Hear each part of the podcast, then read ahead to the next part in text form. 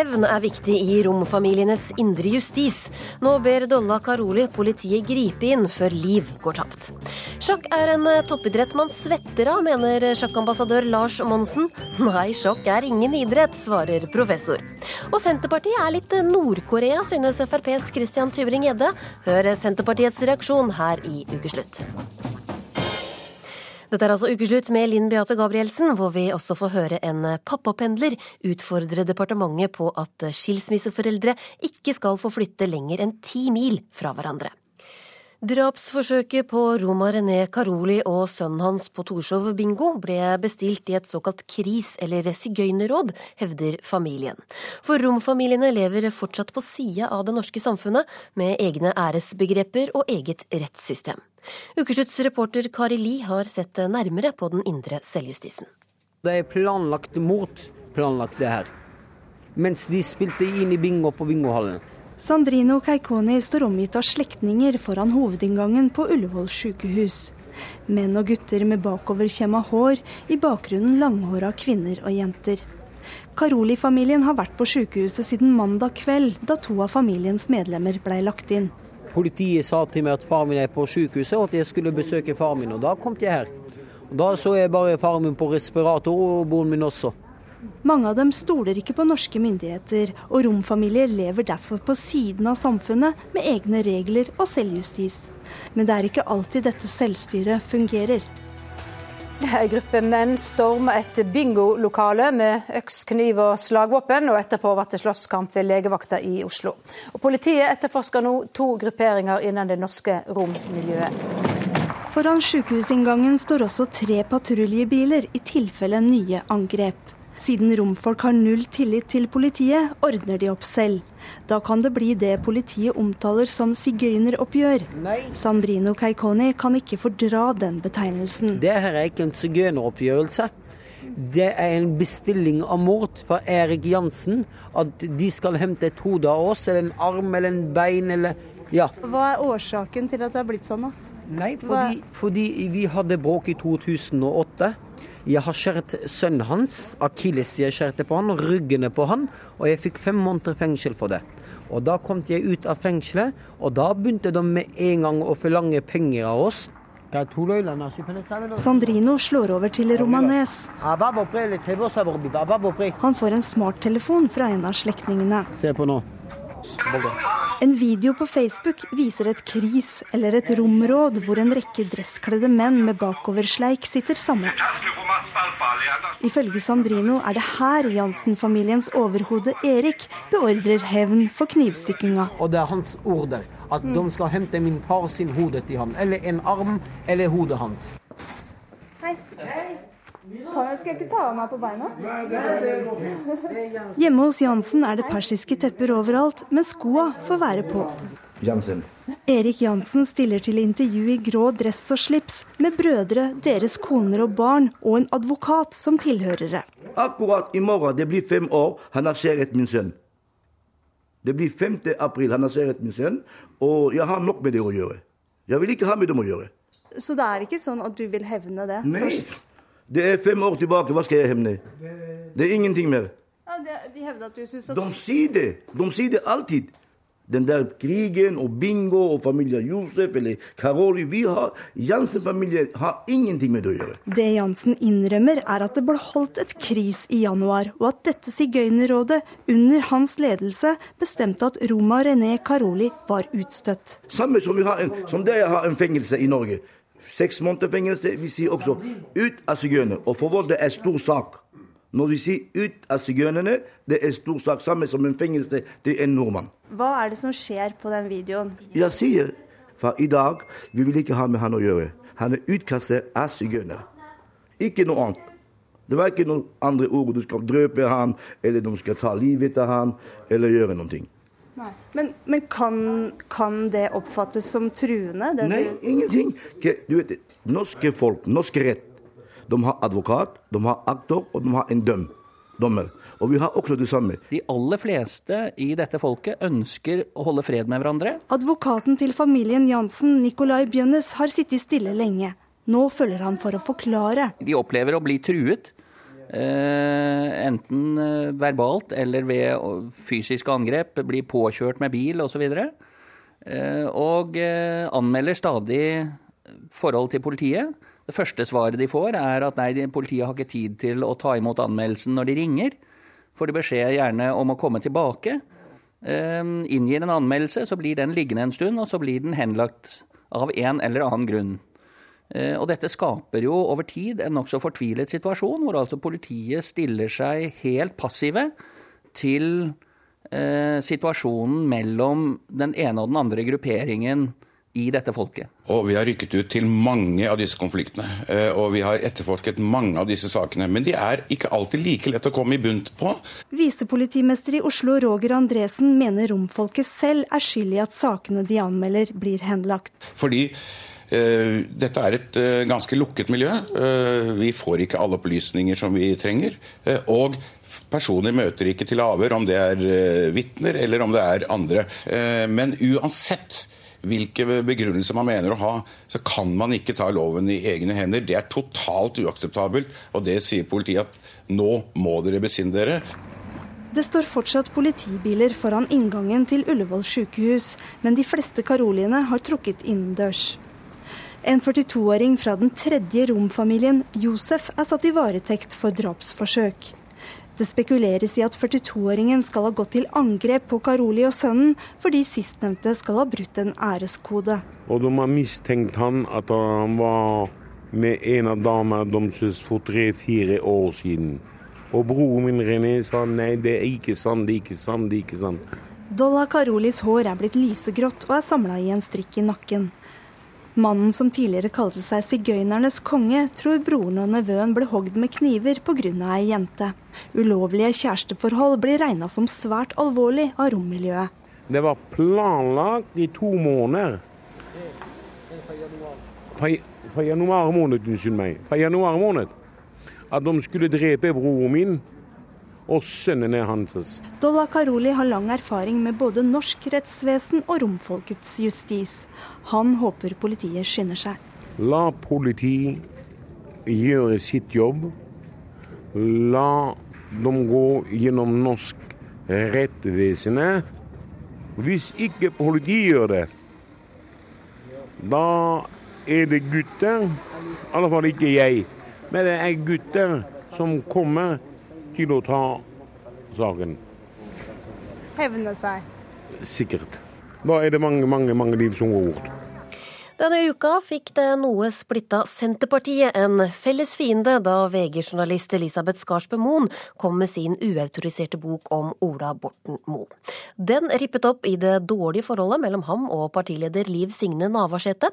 Derfor eh, følte nok Navarsete et ekstra stort behov for å gi inntrykk av samhold og rakke opp stemninga under åpninga av landsmøtet.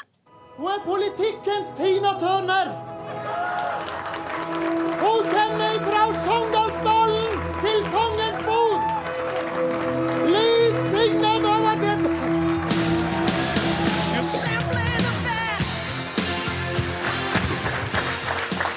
Tusen takk. Velkommen til landsmøtet i Senterpartiet. Et landsmøte som jeg vet mange har gledd seg til. Jeg òg.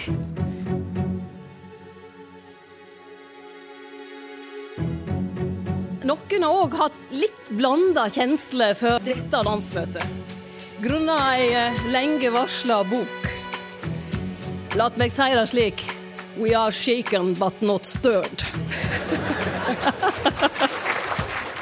ja, det er et eh, forhold uten tillit mellom han og Liv Signe Navarsete. Og også kommunikasjonen der bærer preg av trusler, f.eks. under den Dyrøy-saka. Jeg og Ola fungerer godt i lag, eh, på en helt annen måte enn det media framstiller det som. Jeg har et godt og avklart eh, forhold til min partleder. Vil du også si at hun er en av dine venner? Nei, jeg vil si at det er et godt og avklart forhold til Liv Signe Navarsete. Vil du si at Borten Moe er blant dine gode venner? Ja, mine gode politiske venner. Eh, men ikke personlig? Gode, nei, men jeg har altså i politikken mange venner.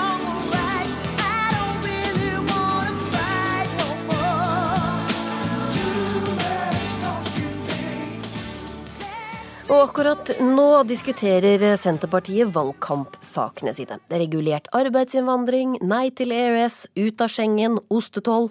Mye handler om det norske og nasjonale. Ukesluttsreporter Lars Nehru Sand ville utfordre dem på hvor grensa går mellom nasjonalromantikken, som de snakker om, og nasjonalismen de ikke vil ta i sin munn. NRK har med en liten plakat til Loen fra en som har analysert Senterpartiet. Mer om det senere. Hadde nesten hatt tid til å ha med seg det flagget på hele siste runden. oh, nei, det er jo fantastisk. Å se det folkehavet. Herregud. Vi gjenopplever tremila i Kollen. Johaugs parademarsj. Sandra Borch blir varm i hjertet. Ja, det er litt sånn Senterpartiet Norge. Eh, ut i naturen og med norske flagg og lusekofte og heie fram våre idrettsstjerner. Ja, de elsker dette landet, senterpartistene. Og så vinner hun her igjen! Det går i nasjonalt eierskap, selvstyre, kulturarv. Det nasjonale er hot. Schengen og EØS er not. Det er ikke snakk om å stenge grensen, det er snakk om å få strengere grenser for de som har drevet kriminalitet i dette landet. Organisert kriminalitet ikke skal komme tilbake og få gjøre det samme. Vi viser henne lappen fra han som har sett fra utsiden. Det norske er ofte det beste. Eh, jeg er, jeg er jo veldig glad i landet mitt, helt klart. Det blir fint. Foldene glattes over mellom bakker og berg i Loen, på hotellets strykerom. Se der. Nå ble det rynker under der når jeg klarte å glatte over på oversida, så må jeg begynne på nytt. Anne Beate Tvinnereim tipper 90% stiller i bunad på festmiddagen. Vi er veldig stolte av opphavet vårt, av lokalen, av bygda vår, av identiteten vår og vi liker å vise det fram. Førstekandidaten i Akershus vil ha ned arbeidsinnvandringen. Med den, med den store arbeidsinnvandringa vi får til Norge i dag, så må vi i alle fall ha en skikkelig politisk debatt om hva det betyr for eh, det norske arbeidsmarkedet, for den norske makroøkonomien. Det finnes grader av arbeidsinnvandring, eh, og vi bør i alle fall se på om det finnes måter å, eh, å kontrollere det på. Det norske er ofte det beste. Smilefjes. Ja, det er det jo. Det er ofte det beste. Og det er vel egentlig Senterpartiets politikk i en nøtteskall. Men plakatanalysen er alt annet enn vennlig ment. Beste Om det ikke er ofte. Det, det kunne sagt alltid om, men da blir det ikke det samme. FrPs Christian Tybring-Gjedde er opptatt av norsk kultur, men totalt uenig med Senterpartiet. Da jeg syns det er flott at man bevarer eh, både bunader og andre tradisjoner i, i Norge. Er Senterpartiet nasjonalistiske? Ja, det er de. Det er, de. de er nasjonalistiske i langt større grad eh, i hvert fall enn Fremskrittspartiet er. Og når de får høre hvem analytikeren er, Christian Tybring-Gjedde, ja. får pipa en annen lyd. Uh... Skillet til FrPs norske kulturbriller er visst stort. Vi ønsker å bygge det Norge vi er så glad i, og det handler om å Men han er jo kjempeopptatt av norsk kultur. Jo, men uh, kanskje ikke så fullt så opptatt av distriktene, som jeg mener er en uh, kjempeviktig sak. Eh, når man snakker om norsk kultur. Ja, Senterpartiet er litt Nord-Korea. Eh, de er veldig innesluttet og, og har en, en erketro på at det er sånn de gjorde for 100 år siden. Det gjør de også 100 år frem i tid, men der bommer de. Han, han har sagt mye rart før, eh, og han sier mye rart nå. Det er vanskelig for å ta alvorlig. Ja, Det mener jeg er et helt meningsløs analyse. Her har det vært mye snakk om å forandre for å bevare. Det handler ikke bare om at eh, vi ønsker å stenge grensen og eh, leve i vår egen lille boble i Norge. Ikke i det hele tatt. Men velgerundersøkelsen til valgforsker Bernt Årdal oppklarer. Senterpartivelgeren er de mest nasjonalt opptatte. Kan trekke dette veldig fort over mot nasjonalistiske strømninger. I vår undersøkelse så ligger det ikke noe sånt i det. Det er mye mer koblet til den eldste politiske konflikten som vi har i landet, nemlig sentrum mot periferi. Vi ser nok mye mer enn et, eh, skal vi si, et ekko av den striden som vi hadde om EU-medlemskapet i 72 og i 94, som nå er mer knyttet til nasjonal autonomi og globalt samarbeid. De skal være litt sånn stive og fine i stoffet. Ved strykebrettet glatteste over. FrPs norske kultur og Sps nasjonalromantikk skal være helt forskjellig. Hovedforskjellen er, at, eh, er når det bikker over i sjåvinisme, og, og, man framstiller det som om eh, det som kommer utafra, det som er ikke-norsk, er en trussel i seg sjøl. Svettes det nok i sjakk til at det kan kalles en idrett? Snart kommer Lars Monsen til ukesluttstudio for å overbevise idrettsprofessor Gunnar Breivik om nettopp det. Men først skal vi høre at eh, denne helga er det kanskje mange foreldre som har lagt ut på en lang tur for å få se barna sine som har flyttet et godt stykke unna etter en skilsmisse. Kampen for å få være far var tittelen på et innlegg i Aftenposten tirsdag, skrevet av en far som måtte reise 50 mil tur og retur hver helg for å få være sammen med barnet sitt. Det er nemlig slik at eh, den som har hovedansvaret, kan ta med seg barnet og flytte hvor de vil i dette langstrakte landet vårt. Og den som hadde skrevet det innlegget, det var eh, deg, eh, Jens Lie. Du har altså vært såkalt pappapendler i tolv år. Beskriv hvordan det har vært. Ja, eh, det er jo slitsomt. Det er jo eh, først og fremst slitsomt eh, mentalt, men også på andre måter. Altså, Virkeligheten var jo sånn at natt til fredag så kjørte jeg opp den ene veien. Var sammen med barna i tre dager, tre døgn. Og så var det å kjøre tilbake natt til mandag og gå på jobb. Og det mest slitsomme det, det er jo alle de farvelene som man må ta. Som ja. Og På denne veien opp og ned så, eh, så får man jo sine faste benstrekkplasser. og På et av disse veikroene så eh, møtte jeg jo etter hvert andre som var ute i samme ærend som meg. og Flere av dem hadde mye lenger å reise enn meg. og Én kjørte bl.a. 100 mil én vei. Så han kjørte altså 200 mil eh, fredag og søndag. Og han vurderte, og han sov i bilen, han hadde ikke økonomi til å ta inn på hotell eller noe annet. og Han hadde vurderte rett og slett å bare gi opp hele opplegget og håpa på at kontakten ble bedre når eh, barnet ble større. Og, og, I mitt hode da så blir dette her feil. Rett og slett At noen kan bestemme og ta, ta, for seg og bare forsvinne med et barn. Og så sitter en som har lyst til å være forelder i andre enden og mister i prinsippet kontakt med barnet. Og barnet mister kontakten med den som sitter igjen. Og, og, og, I mitt hode er ikke det rett. og Derfor så, derfor så skrev jeg nå dette innlegget da, og foreslo da at hvis man ikke blir enige om noe annet, så er det ti mil som gjelder. Og Grensa kan man sikkert diskutere, men poenget er at det er en grense hvor det ikke er så tungt og kan være så vanskelig å holde kontakten eh, som når barnet i hvert fall er lite. Mm. Som, mm. sånn som jeg opplevde det i hvert fall. Og mange opplevde det mye tøffere enn meg. Og, og, og ti mil, det, det, kan jo være en drøy times uh, kjøring ja, omtrent? Det, det, det er fullt overkommelig. Ahmad Ghanizade, statssekretær i Barne-, likestillings- og inkluderingsdepartementet. Hva synes du om Lis forslag om en slik grense? For det første vil jeg si at jeg har full, full, forståelse for at dette kan oppleves vanskelig. Når først det oppstår en, en konflikt foreldrene mellom, så, så, har vi i hvert fall lagt til rette at konflikten kan løses på en måte som er til beste for eh, barnet. og og at man, kan, man, har mulighet til å søke, søke, hjelp. Tidligere hadde vi ingen regler eh, knyttet til slike problemstillinger, men siden 2010 så har vi innført en varslingsplikt den, altså Bostedsforelder som har tenkt å flytte, skal varsle den andre forelderen. og Det er jo innen seks uker, altså en frist på seks uker. Eh, og Dette har vi gjort for at foreldre skal komme i kontakt med hverandre. Mener de at dette ikke er riktig, kan de for det første søke hjelp. Søke hjelp til mekling hos eh, familievernkontorene våre.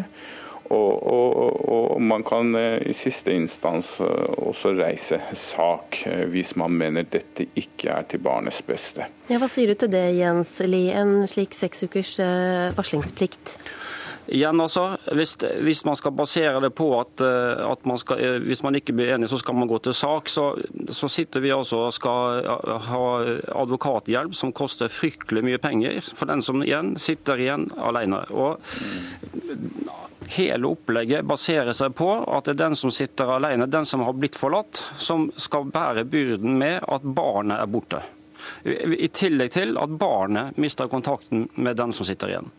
Og Det er, en, det er for meg helt uforståelig at det skal være riktig.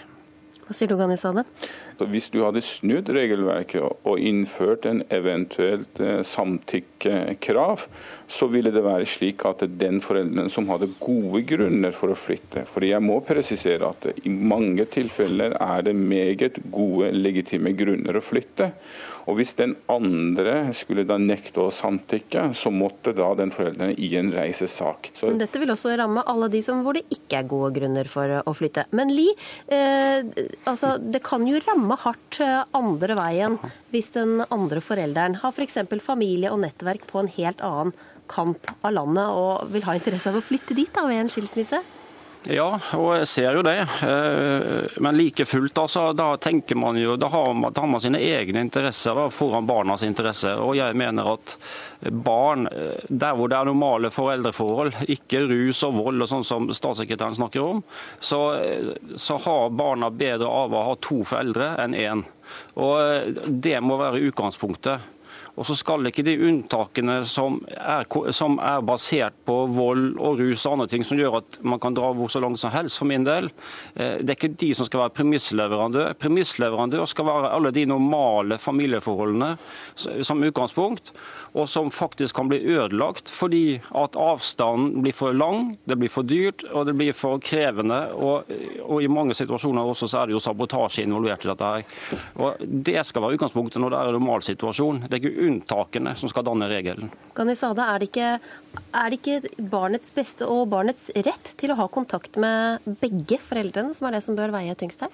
Det er barnets beste. Det er at, at barnet har kontakt med begge foreldrene foreldre, men når man har da kommet først til den løsningen at en av foreldre skal være bostedsforeldre, så følger det med også rettigheter og plikter. En av de rettighetene kan være at vedkommende finner det riktig både for seg selv og ikke minst for barnet å flytte. Det kan være meget, meget gode grunner til, eh, til det.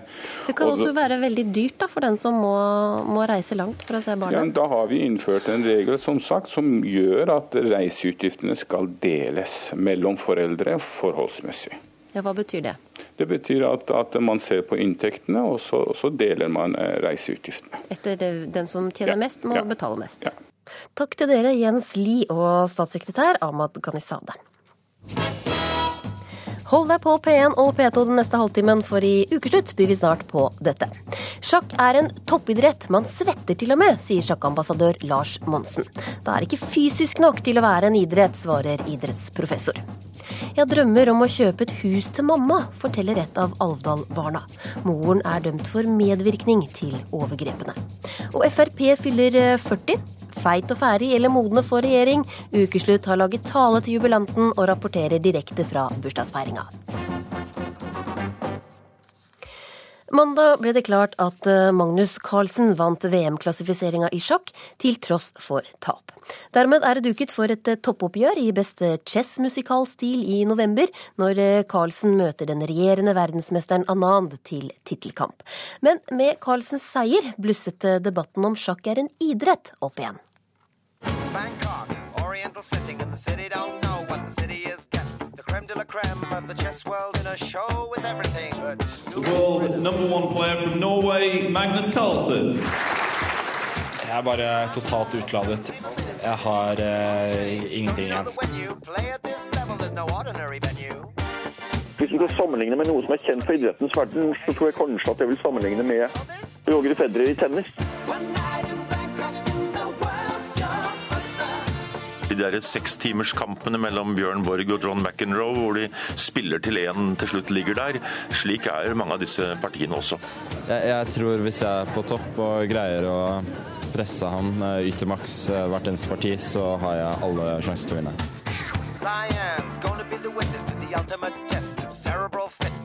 Og han, han kommer ikke til å gå ned uten kamp, definitivt.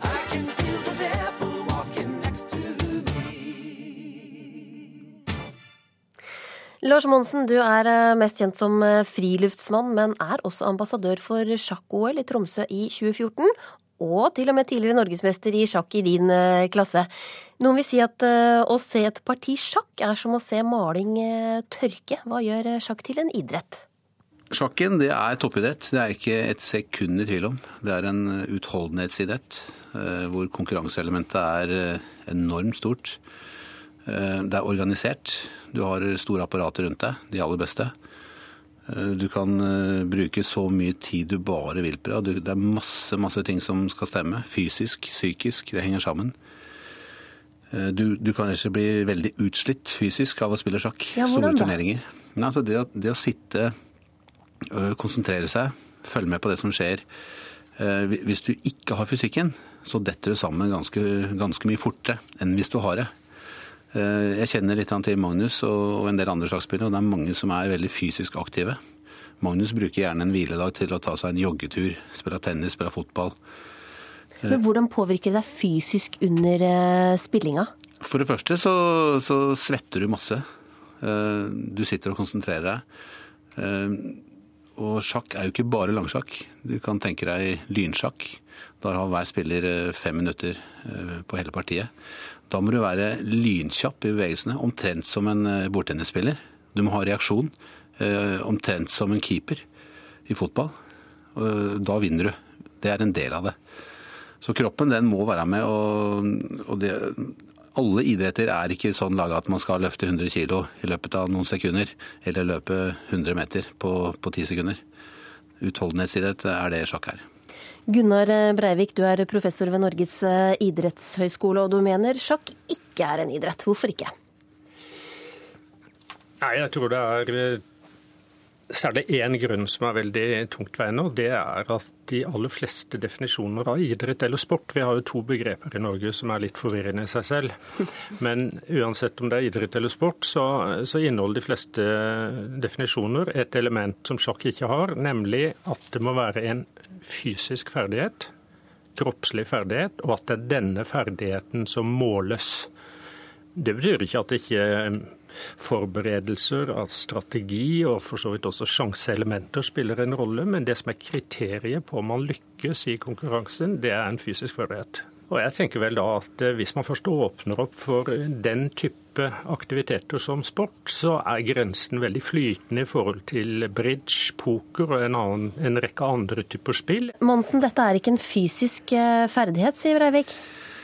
Eh, jo, det er det definitivt. Det måles ikke, en fysisk ferdighet? ferdighet. Måles, altså Hvis man skal henge seg opp i en sånn liten greie som at noen sier at det skal måles, så kommer du ikke veldig langt. Eh, eh, På lik linje med f.eks. skyting og golf, så er sjakk en toppidrett som jeg har kjempestor eh, respekt for. Og man må se litt større på det. Jeg syns man skal se helheten i det. Og utholdenhet er jo et ord som kan brukes eh, om sjakk i, med store bokstaver. Og ta, ta to karer som eh, Anand, verdensmester i sjakk. Han eh, er fra India. Han er, han er, er kåra til årets idrettsutøver. Offisielle idrettsutøver i India. Det samme ble Karpov, tidligere verdensmester i sjakk, i Russland. India og Russland ser altså på sjakk som toppidrett så mye at de faktisk kårer dem til de fremste utøverne sine. Eh, Hvorfor kan ikke lille Norge skjønne det de har skjønt? Hvorfor er det så viktig å holde på idrettsbegrepet og ikke utvide det? Nei, Jeg ønsker vel at folk skal være minst mulig forvirret. eh, Og det betyr at eh, det å ordne verden på en måte begrepsmessig, slik at det svarer mest til det som er virkeligheten, at det er rasjonelt og fornuftig. Og Det betyr at eh, når man blander sammen en masse ulike typer aktiviteter og kaller det sport, uten at det er noen klare, gjennomgående felles kjennetegn, så, så tror jeg det gjør folk forvirret. og Men er holder du det å bli svett? Må man være svett for at det skal være en idrett? Nei, det må man ikke. Men det skal være en fysisk ferdighet. Men Monsen, de, de, de beste sjakkspillerne de trenger jo ikke, de trenger jo ikke se på brettet engang. De kan stå med, med ryggen ting, og hele, hele spillet foregår i, i hodet. Bør det ikke være litt mer fysisk utøvende før det Det er mer Er enn nok eh, fysisk, og det at de også kan spille sjakk uten brett og brikker, er jo bare, viser jo bare at de virkelig kan det. Eh, Hva tror du Aksel Lund Svindal gjør før konkurranser? Han går ned den bakken, og så, så tenker han gjennom den i hodet sitt om og om igjen, uten å være i bakken. Dette er jo vanlige ting for eh, enhver idrett, egentlig. Det handler om forberedelser. Men Sånn hvorfor er, det, hvorfor er det så viktig at sjakk blir kalt en idrett, da? Nei, altså viktig. Det er egentlig bare for, å, for at vi ikke skal bli sett på som eh, helt korka, unnskyld, eh, unnskyld uttrykket, i andre land. Vi må jo følge med. Kan, det dette her er på samme nivå som at eh, jente- eller damehopp ikke hører hjemme i Kollen. Selvfølgelig hører hjemme der. Det er, det er faktisk like meningsløst. Er vi helt korka, Breivik? Nei, jeg blander inn eh, jentene i den det er helt feil. For det er klart jentene skal være med overalt og gutta er med. Det er, det er greit. Men, men, eh, men jeg tenker vel at grunnen til at man ønsker å gjøre sjakk til en eh, sport eller en idrett, er en av to ting, eller begge deler. Det er prestisje, og det er penger. Fordi Hvis du kommer inn under IOC-paraplyen eventuelt, eller inn i Norges idrettsforbund, så kommer det penger. Men jeg er mer usikker på det med prestisje, fordi jeg er ikke sikker på om det er en klassereise oppover å flytte sjakk inn i sport. Jeg tror for veldig mange så er sjakk faktisk på et høyere nivå enn idrett. Altså Man beundrer de beste sjakkspillerne i verden nesten mer enn en del idrettsutøvere i Iallfall der hvor nivået ikke er veldig høyt. Så, så jeg tror ikke sjakk prestisjemessig har noe å tjene på å kalle seg idrett eller sport. Dette er jo helt på jordet. Sjakk er eh, mye mer enn noe annet enn folkesport. Det er 600 millioner sjakkspillere. Det er et ganske høyt tall. For sjakken den, den eh, lærer deg å konsentrere deg, tenke, ta sjanser, bli systematisk i det dere gjør. Det er så mye ja, det, det er akkurat det samme med mange andre idretter også. Men eh, for all del, altså, må ikke, må ikke glemme sjakken her. Altså, nå har vi en mulighet. Nei, tvert imot. Jeg mener jo at eh, sjakken ville kanskje stå vel så bra på egne bein. Det er jo poenget mitt. Jeg har veldig stor respekt for sjakk, og jeg er klar over at det er veldig mange sjakkspillere rundt om i verden, og at det er en kjempe både utbredt idrett eller aktivitet og med høyt nivå. Men jeg vil ikke kalle den idrett eller sport. Det tror jeg forvirrer folk. Hva skal vi si, eh, Monsen? Eh, Må vi kalle remis her, eller har du slått Ja, sjakkmatt på Breivik? Remis er et øh, høflig tilbud, så den kan vi godt ta også. Men jeg bare si tusen takk for at sjakk settes på kartet på denne måten. Hun var eh, nabojenta til Skrekkens hus i Alvdal og ble utsatt for eh, grove seksuelle overgrep i huset. Nå forteller hun for første gang sin historie, og forsvarer moren, som er dømt for medvirkning til overgrepene. Mennesker er dum, hun er smart. Hunder er beste terapien. For da vet jeg at det er noen som jeg må ta vare på. Og så er det jo godt selskap. Rebekka har levd med rus og overgrep i store deler av sin barndom. Hun er født på en rusinstitusjon. Når barnevernet i Alvdal overtar omsorgen for henne, er hun tolv år. Hun har da bodd som nabo til Skrekkens hus i ti måneder. Jeg får ikke lagt det bak meg. Det har ødelagt meg. Psykisk på alle måter. Jeg klarer ikke å stole på folk. Og det sosiale er litt rart noen ganger. Fordi jeg er så rar psykisk at jeg blir så rar. Jeg er sint og trist. For hvis jeg blir nok lei meg, så går det over til å bli sinne. Da hadde jeg rusa meg. Bare for å slippe de tankene en stund. Høsten 2009 kommer en videofilm til polisen i Alvdal. Den viser grova sexuella kränkelser mot fyra barn. Rebecka er ett av barnen. Hun er det eldste barnet. Hun er nabodattra. Og hun er 11 år når filmen spelas inn. Jeg tenker noen gång at jeg skulle ha satt en stopper for det. At jeg som var äldst av dem skulle ha gått og sagt det til noen eller noe sånt. Plager det deg? Ja, det plager meg veldig. Jeg har skikkelig dårlig samvittighet overfor de andre ungene og lillebroren min og sånn, for at jeg ikke sa noen ting. Men du var jo bare et barn selv. Ja, men jeg var likevel eldre enn dem. Hva, hva tror du gjorde at du ikke sa noe? At du ikke gjorde det? Jeg vet ikke, jeg var kanskje redd for at folk ikke kom til å tro meg. När rättegångarna i Alldalssaken börjar i januari 2011, sex år etter själva overgrepen, har Rebecka fylt 18 år. Og da tvinges hun mot sin vilja att vittna i retten. Hun vittnar mot naboparet og mot sin pappa. Men hun vägrar å vittna mot sin mamma. For mora mi har ikke gjort meg noen ting, og det sa jeg begge rundene. Og de prøvde å mase på meg og få meg til å snakke om hun, men det gjør jeg ikke. Jeg gidder ikke å snakke om hun når hun ikke har gjort noen ting. Men Rebekkas mamma døms allikevel på grunnlag av domaravhør fra et av de andre barnen. Hun døms ikke for å ha begått noen av voldtektene selv, men for å aktivt ha bidratt til at det kunne skje. Rebekkas mamma mener at hun ikke var medveten om det som skjedde i skrekkens hus.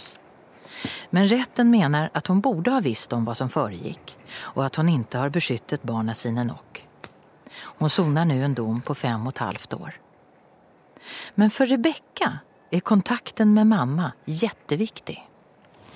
Det er mammaen min. Det er bestevenninna mi. Folk får tro hva de vil og tenke hva de vil, men jeg vet at hun har ikke gjort meg noen ting. Men pappaen har Rebekka ingen kontakt med etter rettssaken. Jeg tenker jo noen ganger at jeg hadde hatt lyst til å dra og besøke ham. Sånn bare for å si til ham hva jeg føler, om det han har gjort og sånne ting. Men de andre to, da? Torturere dem litt. Det. ja, men jeg har lyst til det. Bredtvet fengsel for kvinner kalles for Slottet. Men det er en samling slitne gamle murbygninger som ligger høyt oppe på en bakketopp.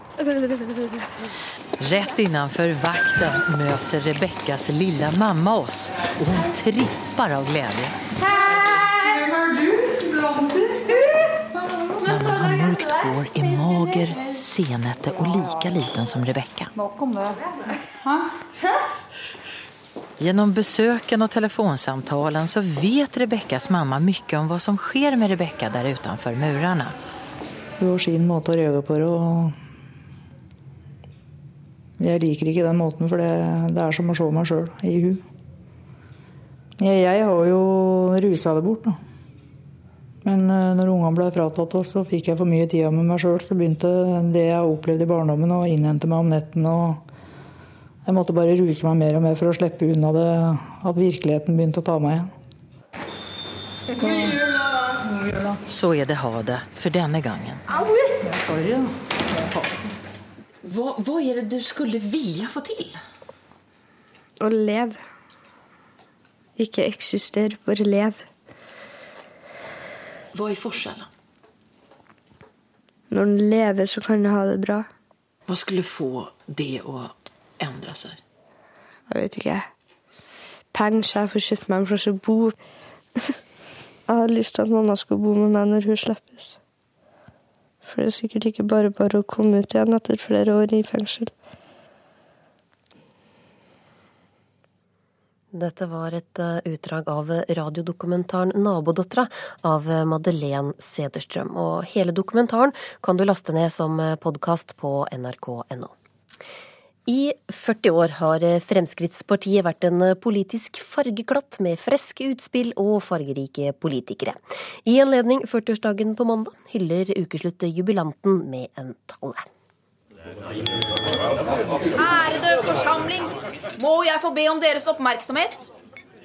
I anledning Fremskrittspartiets 40-årsdag er vi samlet her i dag for å ta et blikk tilbake for å se på veien frem hit hvor du, Frp, står nå.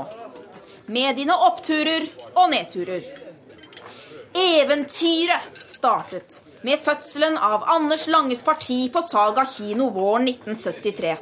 Det var den gang folk flest gikk rundt i slengbukser og fotformsko, og året da den første mobiltelefonen ringte akkompagnert av Abbas debutalbum.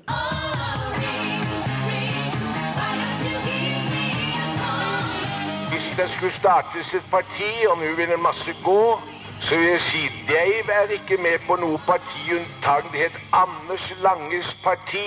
Mindre skatter og avgifter.